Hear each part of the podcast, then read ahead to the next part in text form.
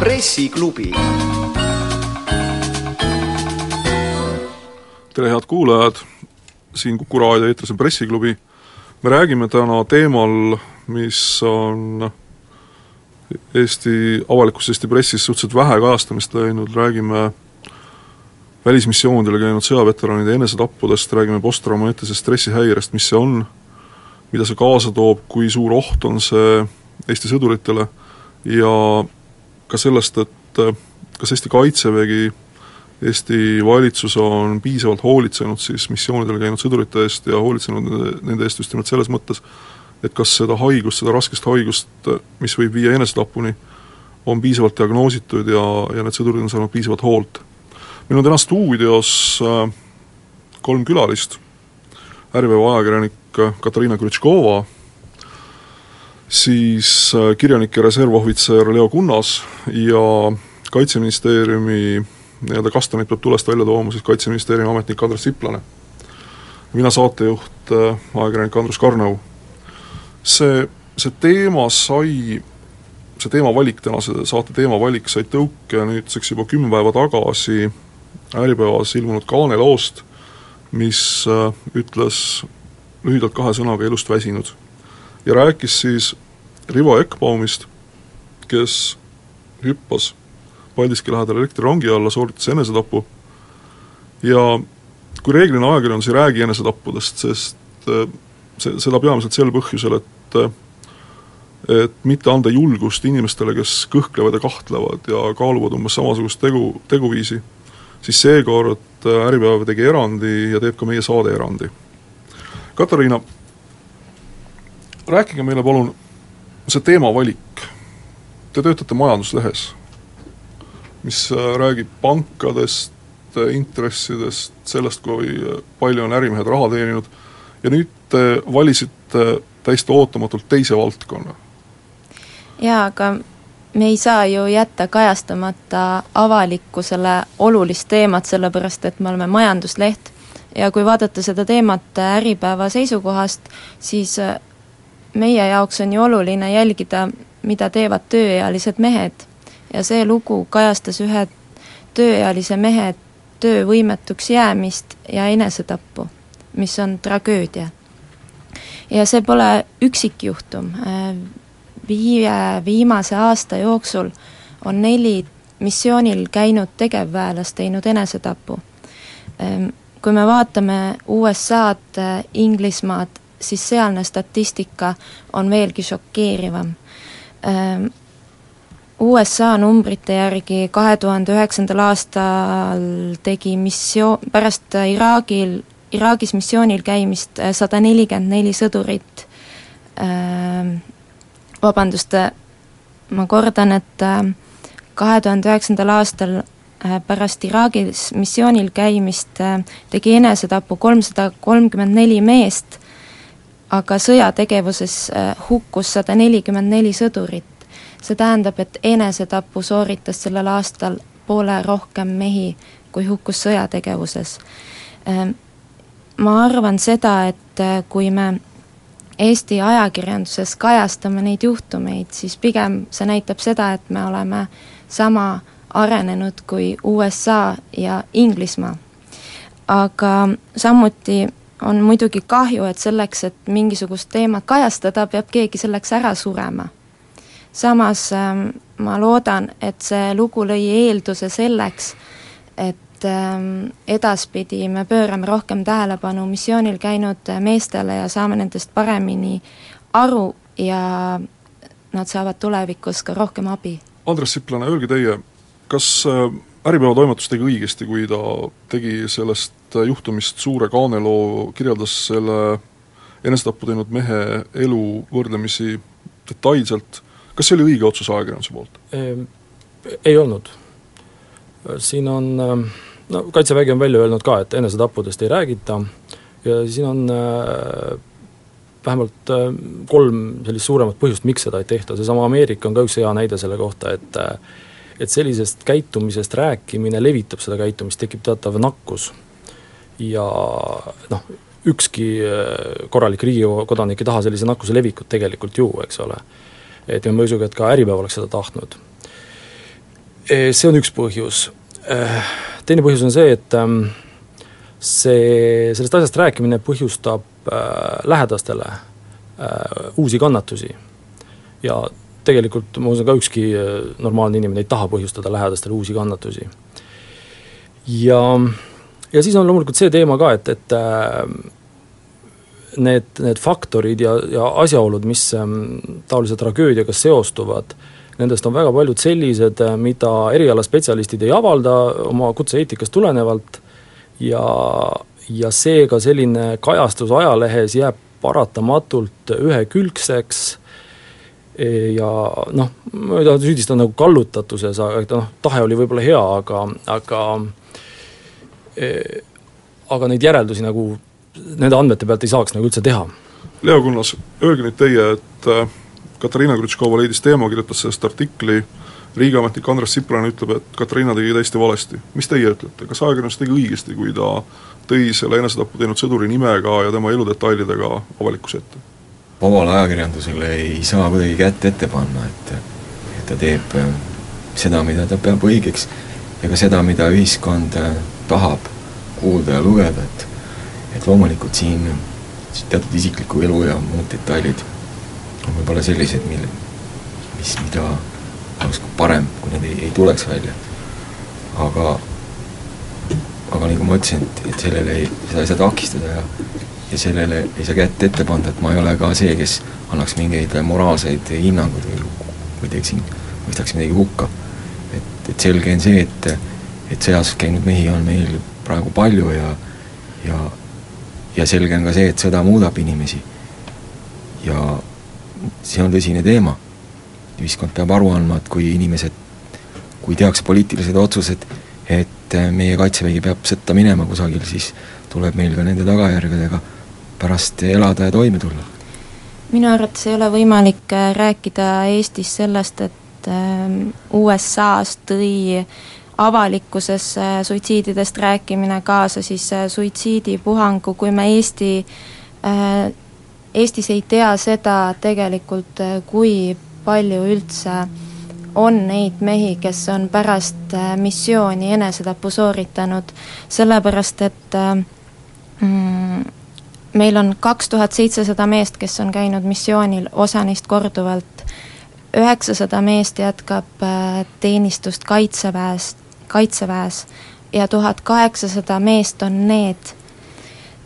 kelle puhul me ei tea, kui, kui palju neist on surnud, eh, palju neist kannatab posttraumaatilise stressihäire käes, mis põhjustel on nad surnud, põhimõttes, põhimõtteliselt eh, me nende elust eriti ei tea midagi. ma tean, et Andres Siplane tahab kohe Katariina teile vastu vaielda, aga me kuulame reklaami ära ja siis Andres saab vaielda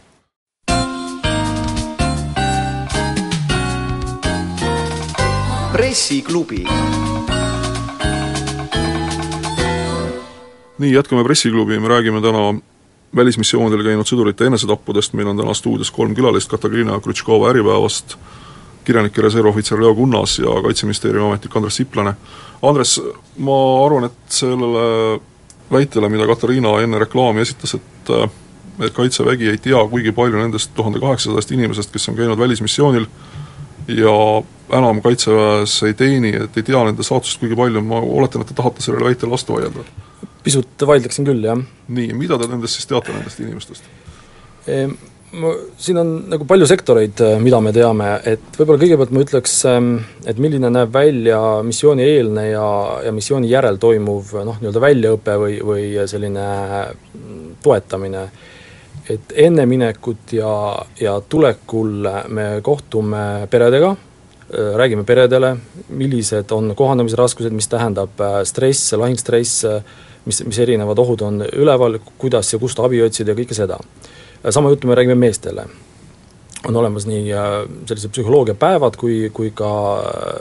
meditsiini väljaõppe raames on sotsiaalsete tagatiste loeng nende asjade kohta, seega see üldine meelsus on see, et äh, nii see inimene ise, kellele võib probleem tekkida, kui ka tema kaaslased on väga selgelt instrueeritud, et nad teavitavad niipea, kui on mingi mure ja ka pered on teavitatud sellest, me oleme hoidnud nagu sellist või juurutanud sellist lähenemist, et abi küsimine ei ole nõrkuse märk, vaid on tugevuse märk. ja need tuhat kaheksasada, kes on nii-öelda reservis, kui kellelgi on probleeme, siis just taoliste kanalite kaudu see teave meile laekub et kui küsida teistpidi, et kas me nagu teostame mingit sellist suure venna järelevalvet nende kõigi üle, siis jah, et kuus kuud pärast äh, reservi minemist on äh, rutiinne küsitlus ja hiljem on äh, pistelised uuringud ja just oli professor Merike Sisaski ka juttu ühe PTSD uuringu tegemisest ja vabandust, mis on PTSD traumajärgne stressihäire. see ongi see üks enim levinud diagnoose. et toimuvad sellised uuringud, lisaks äh, on noh, või lisaks või paraku on meie see reserv äh, reservis hoidmise süsteem selliselt üles ehitatud, et ähm, et reservväelane ise peab andma kui tema terviseseisund muutub, on kohustus temal anda riigile teada, et tal on tervisesüst-, terviseseisund muutunud no vaimuhaigus teatavasti on selline tore haigus, mille puhul inimene ei saa aru, et ta haige on. jah, ja taoliste ja näiteks ka surma puhul rahvastikuregistrist tuleb info, ei ole, ei ole nagu sellist olukorda, et kui tuhande kaheksasajast missioonimehest on keegi ära surnud, noh, mitte enesetapu läbi, vaid lihtsalt kuskil õnnetuses või midagi, see info laekub Kaitseressursside Ametisse ja see isik võetakse reservistide nimekirjast maha. Jah, aga kui tal tekib ikkagi nagu kaebusi, vaimseid probleeme, et te ütlete, et te olete perekondi teavitanud, nad võivad kuhugi teatada. Kuidas te ise hindate, kas inimesed on agarad teatama, kas nad usuvad ja kuulavad seda, mida Kaitsevägi neile ütleb? jah, ma julgen väita, et me oleme selle sellise toetussüsteemi või psühholoogilise sotsiaalse abisüsteemi usutavaks siiski teinud ja reeglina ikkagi teatatakse ja ja ebareeglipärane on see, kui see laekub läbi, see info laekub läbi mitme isiku. Leo Kunnas, äh, Andres Siprane esitas nüüd pildi sellest, et Kaitsevägi on teinud kõik hästi ja korralikult, mis teie ütlete, kas see kirjeldus, mis Andres Siprane ütles, on see nii kena, kui see siin kuulda oli? no küsimus on selles, et mida siin üldse teha saab ja võimalik teha on. et, et sellest vaatepunktist kui me tunneme lihtsalt nagu Eesti inimese ja Eesti mehe psüühikat, siis on selge, et Eesti mees reeglina väga oma probleemidest ei räägi. Inimesed on erinevad, nad käivad sõjas, sõda mõjub neile väga erinevalt. ja tegelikult ma ise kaldun arvama, et suurem osa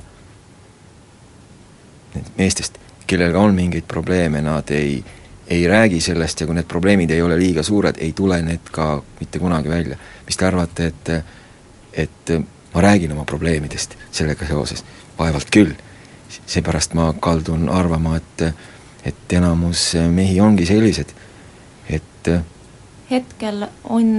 null koma kolm protsenti ainult äh, tegevteenistujatest neid, kellel on diagnoositud posttraumaatiline stressihäire. ma julgen arvata, et nendest tuhande selle tuhande kaheksasaja mehe seas, kes enam Kaitseväes ei ole, see näitaja on äh, vähemalt sama madal, kui mitte madalam. See number iseenesest näitab seda, et äh, meil on posttraumaatiline stressihäire aladiagnoositud. ja kuidas üldse USA-s on välja tulnud see haigus, see tuleb välja alles siis, kui sõjaveteraane pärast missioonil käimist tükk aega jälgitakse, neid püütakse avada ja nad hakkavad rääkima äh, kuidas nad päriselt ennast tunnevad, nendel luuakse selline usalduslik keskkond. Aga kuna Eestis äh, minu teada niivõrd äh, palju vaeva ei nä-, nähta sellega, et äh, seda diagnoosi siis või üldse välja selgitada seda vaimset olukorda äh, mitte ainult üks kord pärast missiooni, vaid ka tunduvalt hiljem, sellepärast posttraumaatilisel stressihäirel on äh, omadus välja lüüa, ta võib välja lüüa isegi pool aastat pärast missiooni, ehk siis ma millegipärast arvan, et Eestis äh, on väga palju juhtumeid, kus ei ole, mis ei ole tuvastatud haigusjuhtumeid. jah, äh, ma julgeks öelda, et, et umbes teist sama palju on äh, diagnoosimata äh, PTSD-sid, aga see tähendabki seda koostööd inimesega ja selle koostöö, see PTSD iseenesest ei anna mingit võimalust sundravi korraldamiseks või milleks, millekski taoliseks. selle koostöö tulemusena tuleb jõuda diagnoosini ja siis saab ka paremini ravi korraldada, et see kõik toimub ja samas ma pakun, et ega USA-s on samuti see, selle diagnoosi saavutamine ei ole niivõrd lihtne kuigi teiselt poolt ma väidaks ka seda, et äh, USA-s on äh, kogu see ühiskond üle psühhiatriliseeritud, et ähm, nii PTSD kui noh, ei tasu ainult sõdureid vaadata, USA-s tasub vaadata ka, mis on elanikkonna äh, PTSD määr tervikuna, et eelmisel aastal USA-s oli kaheksa protsenti elanikkonnast kandis seda diagnoosi, mitte keegi, mitte sellised inimesed, kellel on kunagi olnud ja terveks saanud, vaid kes konkreetselt kandsid sel aastal diagnoosi. depressioon on nagu kordades suuremalt äh, diagnoositud kui Eestis, ärevushäired ja kõik muud häired samuti, et äh, need on liiga erinevad ühiskonnad, samuti on erinevus see, et meie mehed on äh, Afganistanis näiteks kuue kuu kaupa, ameeriklased kaheteist kuu kaupa. see annab nagu ka oluliselt erineva tausta. Ühesõnaga, te ütlete, et see, see Äripäeva poolt võrdluseks toodud number, et siin Suurbritannia ja USA näitel, kus missioonil käinud sõdurite hulgas on selle haiguse määr kümme kuni viisteist protsenti, et te ütlete, et see statistika ei ole usaldusväärne või et see ei ole võrreldav Eestiga? see ei ole võrreldav Eestiga, kui USA tervikuna PTSD määr on kaheksa protsenti elanikkonnast ja sõduritel on kümme kuni viisteist, siis noh, siis kanname selle Eestisse üle ja me eeldame siis, et Eestis peaks ka olema äh, miks Eesti tsiviilelanikkonnas ei ole siis PTSD-d nii kõrgelt diagnoositud, et võib-olla Eesti arstid ei oska seda diagnoosida, võib-olla ei osata sellele tähelepanu pöörata? jah, või, või on selle diagnoosi panemisega vaoshoitumad. vaoshoitum tähendab siis seda, et et just ka Ameerikas siis nagu jagatakse seda diagnoosi liiga kergekäeliselt? võib ka nii olla. võib-olla siin on ka eri, üks selgitus see, et meil on ühiskondlik traditsioon, rahva nii-öelda selline mälu ja tunnetus väga erinev, et et meil oli Teine maailmasõda väga raske, meil on olnud suured sõjad, väiksemad sõjad on olnud kogu aeg, et et sõda on tegelikult olnud nagu on sügavalt ühiskonna mälus ja just selline raske sõda, et halval juhul võib sul pool rühma näiteks päevaga surma saada, et et, et inimeste tegelikult selline psüühiline taluvus selles mõttes on on tugevam, et ma ei usu, et meil oleks posttraumaatilist stressi mingi kümnel-viieteistkümnel protsendil, protsendil sõjas käinud võitlejatest. kahtlemata on seda rohkem kui ühel protsendil, aga kus see määr on täpselt, seda ma ei oska öelda. aga see tuleneb lihtsalt meie suhtumisest sõjasse, meie ühiskonna suhtumisest sõjasse ja ka meie ühiskonna suhtumisest kaotustesse sõjas, sest on selge, et kui Eesti pinnal sõda tuleks, siis see tuleks kümnetes kordades karmim oma olemuselt sellest kõigest, mis, mis sõdurid nendes väikestes sõdades on näinud, kus nad praegu on. Nii see..., aga ma pea, pean Leo teid nüüd hetkeks katkestama, et me kuulame ära reklaami ja uudised ja siis me kohe tuleme selle juurde tagasi ja arutame selle üle, et kas eestlased on palju vinskemad kui ameeriklased.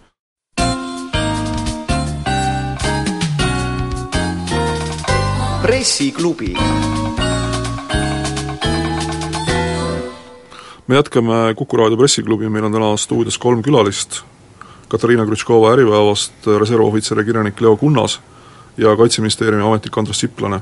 mina saatejuht Andrus Karnau. me räägime täna välismissioonidel käinud sõdurite terviseprobleemidest, nende ühest võimalikust ohuallikast, ehk siis posttraumaatilisest stressist, mis võib viia siis äh, inimesed enesetapuni. kui nüüd äh, saate esimene pool kokku võtta, siis äh, Katariina kaitses Äripäeva, kes tegi suure kaaneloo siis ühe enesetapu teinud sõdurist ja Andres Siplane Kaitseministeeriumi ja Kaitseväe seisukohta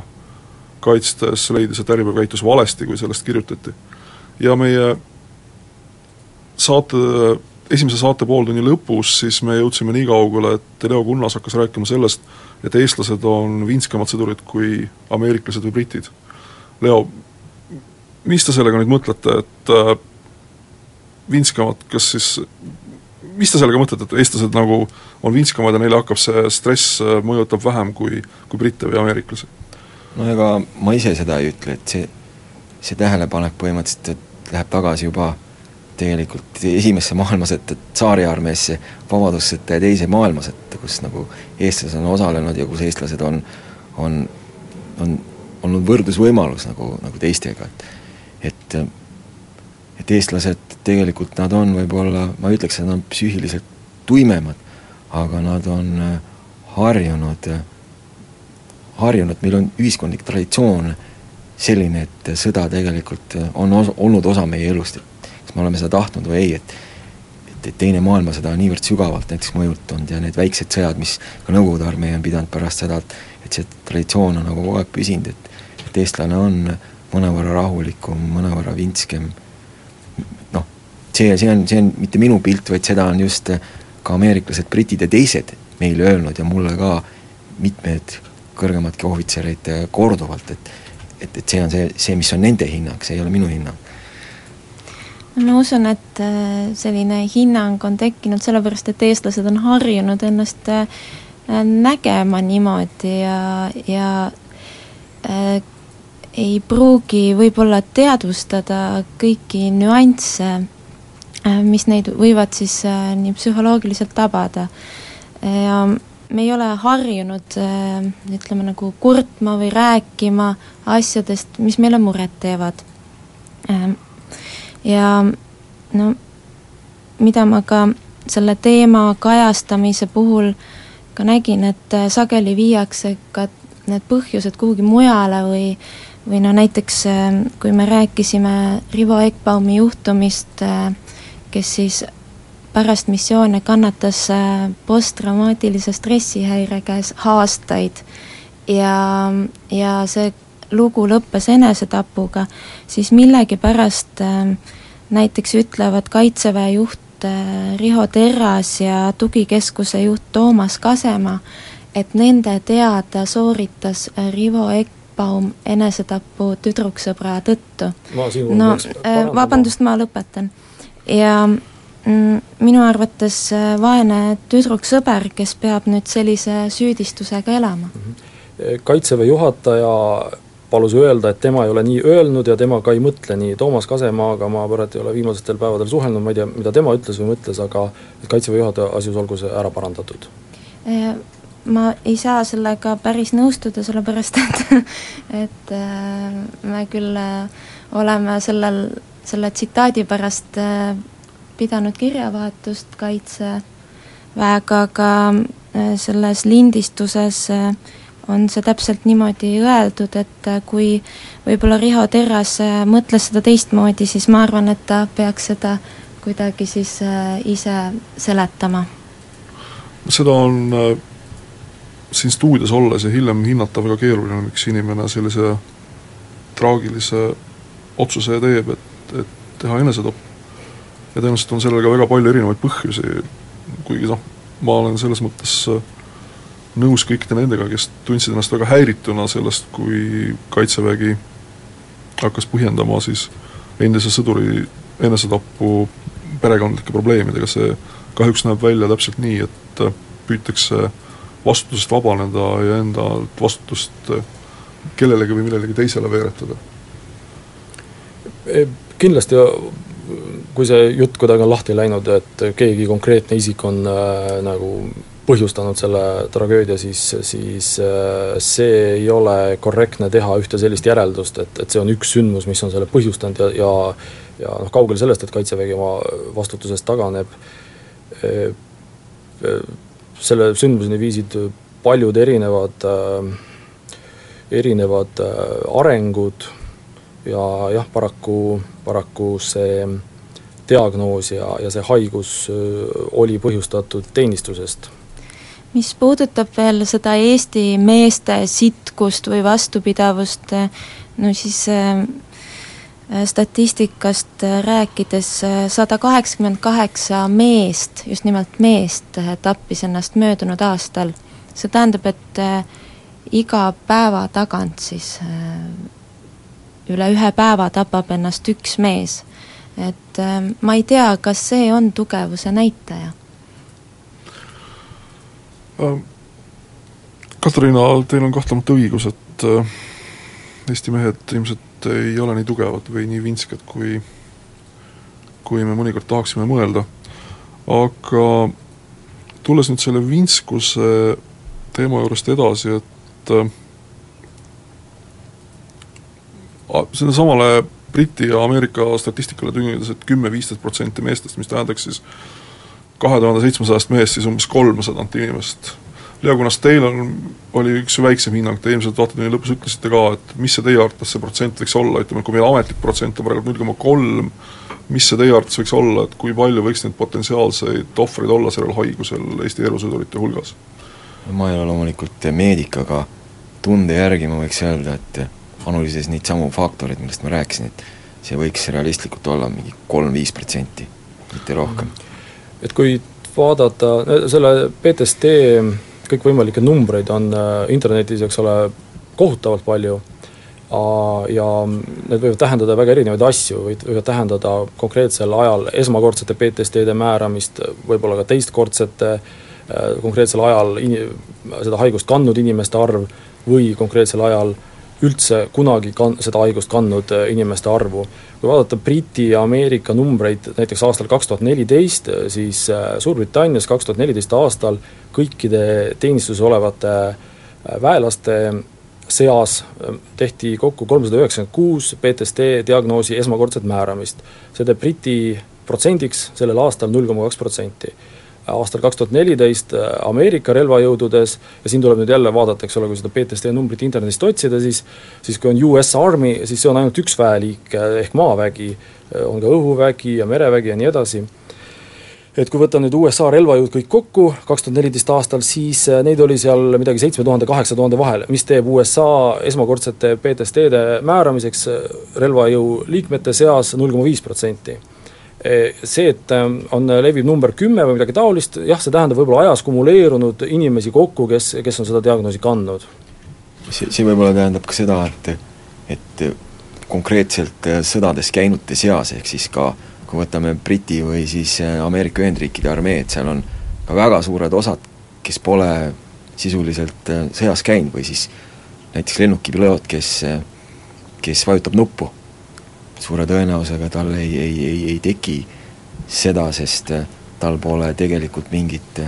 füüsilist või moraalset seost tegelikult, nii kahju, kui ka ole nende, nende tapetudega, kes tema pommide läbi surevad, et nii, nii see paraku on. Et, et kui me võtame otseselt lahingutegevusega kokku puutunud nagu mehed, siis siis kümme-viisteist tundub realistlik, mis on Ameerikas või Brit-, või Suurbritannias? no ma usun seda, et äh, oluline on ka vaadata, et äh, kuidas on täpsemalt selgeks määratud äh, posttraumaatiline stressihäire kui diagnoos, et kui teha näiteks tuhandete sõdurite seas mingisugune selline küsimustik, kuhu nad peavad lihtsalt linnukesi märkima, siis ma ütlen, et seda on üpris kerge üle kavaldada, sellepärast et kõik need sõdurid ju on, isegi kui neil see haigus on, nad on enne olnud normaalsed inimesed ja nad teavad ju, kuidas on õige vastata Äh, mitte, et nad enam ei oleks normaalsed inimesed, aga lihtsalt, et et sellest haigusest on nad mõjutatud, aga neil on see mälestus sellest, et et äh, kuidas ma saan testile vastata niimoodi, et äh, minu haigus kuidagi välja ei paistaks.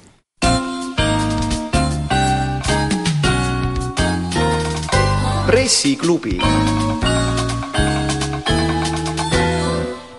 Jätkame Pressiklubi, meil on täna stuudios kolm külalist, Leo Kunnas, reservohvitser ja kirjanik, Äripäeva ajakirjanik Katariina Krutškova ja Kaitseministeeriumi ametnik Andres Siplane, me räägime täna siis äh, missioonil käinud äh, sõdurite terviseprobleemidest, et siin reklaamipausi ajal Leo Kunnas sõnastas tegelikult selle probleemi väga täpselt, et et küsimus ei ole mitte selles, et kas inimene saab äh, siis täpse diagnoosi, mille siis keeruline nimi on posttraumaatiline stressihäire, mis tähendab siis ära seletatuna seda, et, et inimene, kes on läbi elanud mõne eluohtliku või väga pingelise olukorra, siis hakkab seda pingelist olukorda uuesti ja uuesti läbi elama ega saa siis nendest äh, negatiivsetest mälestustest enam välja. et küsimus ei ole mitte diagnoosi saamises, vaid küsimus on selles, et äh, kui palju võiks olla nende erusõdurite hulgas neid mehi, kelle elu on häiritud, sellepärast et nad on pidanud Eesti riigi, NATO, Euroopa Liidu au kusagil mõnel välismissioonil kaitsma. Leo Kunnas, ma tahaksin tegelikult teie käest küsida nüüd seda, et me, meie seltskonnast teie olete seal sõjas ju käinud, eks ole. Mi-, mis see teiega tegi, kui te Iraagis ära käisite, mis see teile tähendas? no Iraak minu jaoks ei olnud nii, niivõrd suur sõda, et kuna seal vastane ei olnud meist tugevam, aga mu abikaasa kirjeldas seda nii, et et, et jah, et inimesed muutuvad, et minu puhul oli see muutus selline, et ma muutusin pärast palju järsemaks igasugustes nagu küsimustes, mis puudutasid üldse, üldse nagu riigikaitset kui sellist, et, et, et asjad, mida ma võisin nagu varem võib-olla nagu suhteliselt kergemalt võtta, et et, et minu seisukohad muutusid nagu palju jäigemaks ja palju, palju nagu karmimaks, et et umbes, et, et mulle tundub teda hetkel väga leebe inimesena, et kui te räägite endast kui sellisest jäigast inimesest, siis tundub mulle natukene üllatusena. küsimus on selles, et küsimus on seisukohtades, küsimus ei ole selles, et kuidas ma neid nagu kas inimlikult meeldival või ebameeldival viisil väljendan, aga aga noh, küsimus on üldse nagu vaadetes ka riigikaitsel, et noh, mida ma ise Iraagis näiteks nägin ju seda, et ma nägin neid vigu, mida mida selle sõja puhul tehti, ma nägin, et me võime seal ju lahinguid võita, aga sellisena me seda sõda võita ei saa, et see võda, sõda on hakka-, hakanud pihta poliitilistel põhjustel, mida sõjaväelased ei saa väga palju mõjutada. et see, see loomulikult sõdurid mõtlevad teistele küsimustele,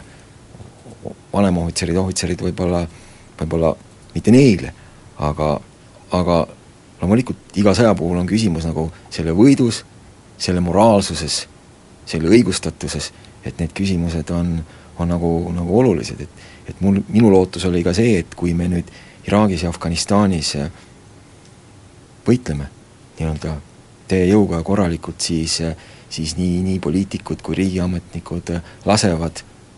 üles ehitada tugevama kaitseväe, sest nad näevad, et et see kõik toimib hästi, et et teatud ulatuses minu nagu, nagu lootused ei täitunud. et siis noh, kui, kui, kui võiks nii öelda. ühesõnaga, ei ole põhjust arvata ühelgi noorel mehel, kes äh, praegu teenib Kaitseväes ja mõtleb palgasõduri elukutse peale, välismissiooni peale, ei ole põhjust arvata, et tal õnnestub seal missioonil ära käia niiviisi, et ta tuleb tagasi sealt äh, nii-öelda endise inimesena. on mul õigus? ma loodan, et mitte. Isiksuse omadused siiski jäävad samaks, eks ole, härra Kunnas rääkis praegu sellest, et tema seisukohad riigikaitses muutusid jäigemaks et ja noh ei ma..., ei, härra Kunnas ütles, et, et see sõda mõjutas teda, selgelt mõjutas teda. jah, et noh, ma äh, siiski noh, olles aastatel kaks tuhat üksteist kuni kaks tuhat neliteist äh, teinud missiooni väljaõpet nii enne kui pärast, et ma ja, ja neid mehi kõiki nähes ja tundes äh, ma siiski väidan, et no nende isiksused jäid samaks no sageli tulevad äh, mehed tagasi missioonilt ja hakkavad alkoholi kuritarvitama. Või siis äh, tekivad neil mingisugused uimastiprobleemid või kasiinosõltuvus. Ja siis me vaatame neid mehi ja mõtleme, noh, tead, tuli sealt ja hakkas jooma, et et aga samas äh, ei pruugi teadvustada seda, et see põhjus, miks ta niimoodi käituma hakkas, võib olla hoopis selline äh, seesama vaimne haigus, äh, posttraumaatiline stressihäire? ma ütleks seda, et, et sõda mõjutab iga inimest. ükski inimene ei ole pärast seda, kui ta on sealt tagasi tulnud, täpselt selline, nagu ta oli enne, mõnd mõjutab suuremal määral, teist vähemal määral, loomulikult ega baasisiksus kui selline on selline, nagu ta on, aga sinna lisanduvad lihtsalt teatud kiht uusi kogemusi ja inimeste taluvusvõime nende kogemuste suhtes on, on erinev ja ma ütlesingi, et et meil on kindlasti umbes viis protsenti neid inimesi, keda need kogemused, mis nad on seal näinud, on mõjutanud sedavõrd, et nende, neil on äh, tavalises elus äh, ütleks niiviisi raskusi viis protsenti kahe tuhande seitsmesajast on, kui ma siin kiiresti arvutan, ma loodan, et ma ei tee viga, on sada kolmkümmend viis. Äh, Andres Siplane, ma ei tea, mida teie mõtlesite, kui te seda Äripäeva lugu lugesite, aga kui mina seda lugu lugesin, siis mul sõna otseses mõttes suu oli tükk aega lahti. Ja ma olin nagu, lugesin ja lugesin seda, ma ei uskunud oma silmi. Ja siis, kui ma hakkasin pisut nagu kogema ennast, siis mul nagu aegselt hakkas kuskilt meelde tulema, et jah, et ma olen siit-sealt nagu midagi sarnast kuulnud, aga see oli nagu selline, minu jaoks oli see selline suur plahvatus, mis tõi ühe teema nagu väga selgelt nagu avalikkuse silma ette. Andres, kas see lugu, ma saan aru, et kuigi Kaitsevägi ametnikud seda lugu heaks ei kiida, aga ikkagi kui see, kui see teema on nüüd avalikkuse ette toodud, kas see midagi muudab ka selles, kuidas Kaitseministeerium, Kaitsevägi hoolitseb oma erusõdurite eest? no üks, üks vastus on, mida Kaitseväe juhataja andis selles äh, ajalehes, oli see, et ähm, et niipea, kui me saame aru, mida me peame tegema, et paremaks muuta süsteemi, niipea seda me ka teeme. no teine nüanss, mida ma nagu ütleksin, on see, et ähm, et äh, tegevus peab toimuma sellel suunal, et äh, suurendada toetavate struktuuride, noh, psühholoogide, sotsiaaltöötajate, kaplanite usaldusväärsust ja, ja renomeed Kaitseväes, et ähm, et see ei oleks stigmatiseeritud, kui inimene pöördub psühholoogi poole. ja noh, ma ei tea, kas see lugu nüüd sellele kaasa aitab või mitte, äh, aga, aga mul nagu mõnes mõttes on kurb, kui ta ei aitaks kaasa. Aga, aga teie jutust eelmises saate pooltunnis ma sain aru, et praegu on olukord selline, et kuus kuud pärast,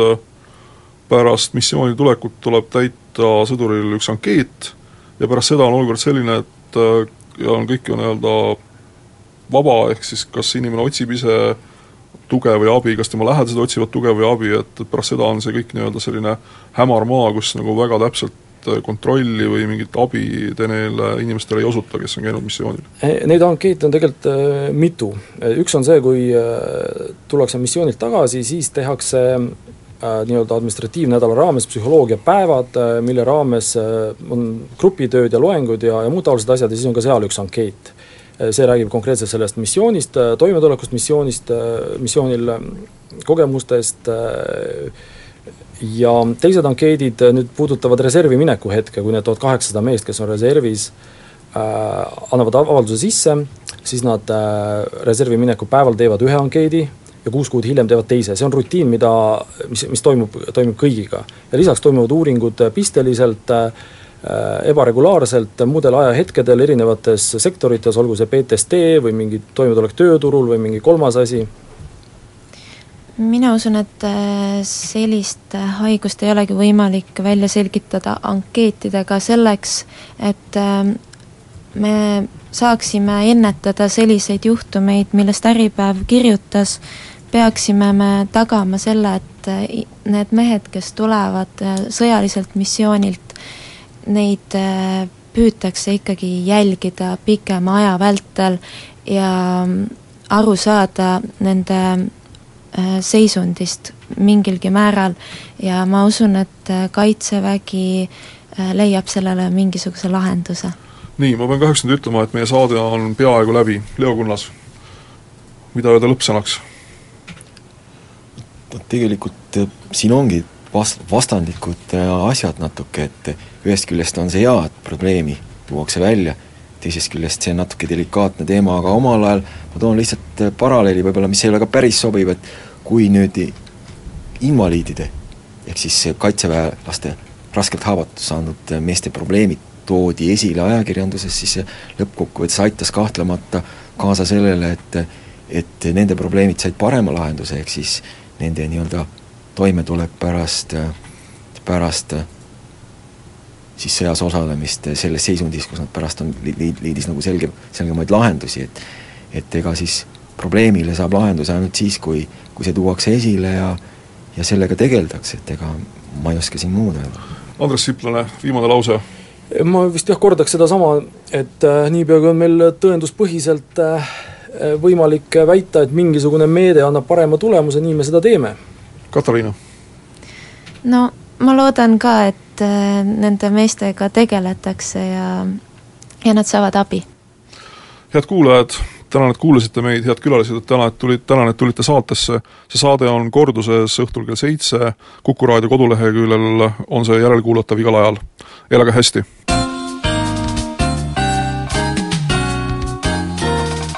pressiklubi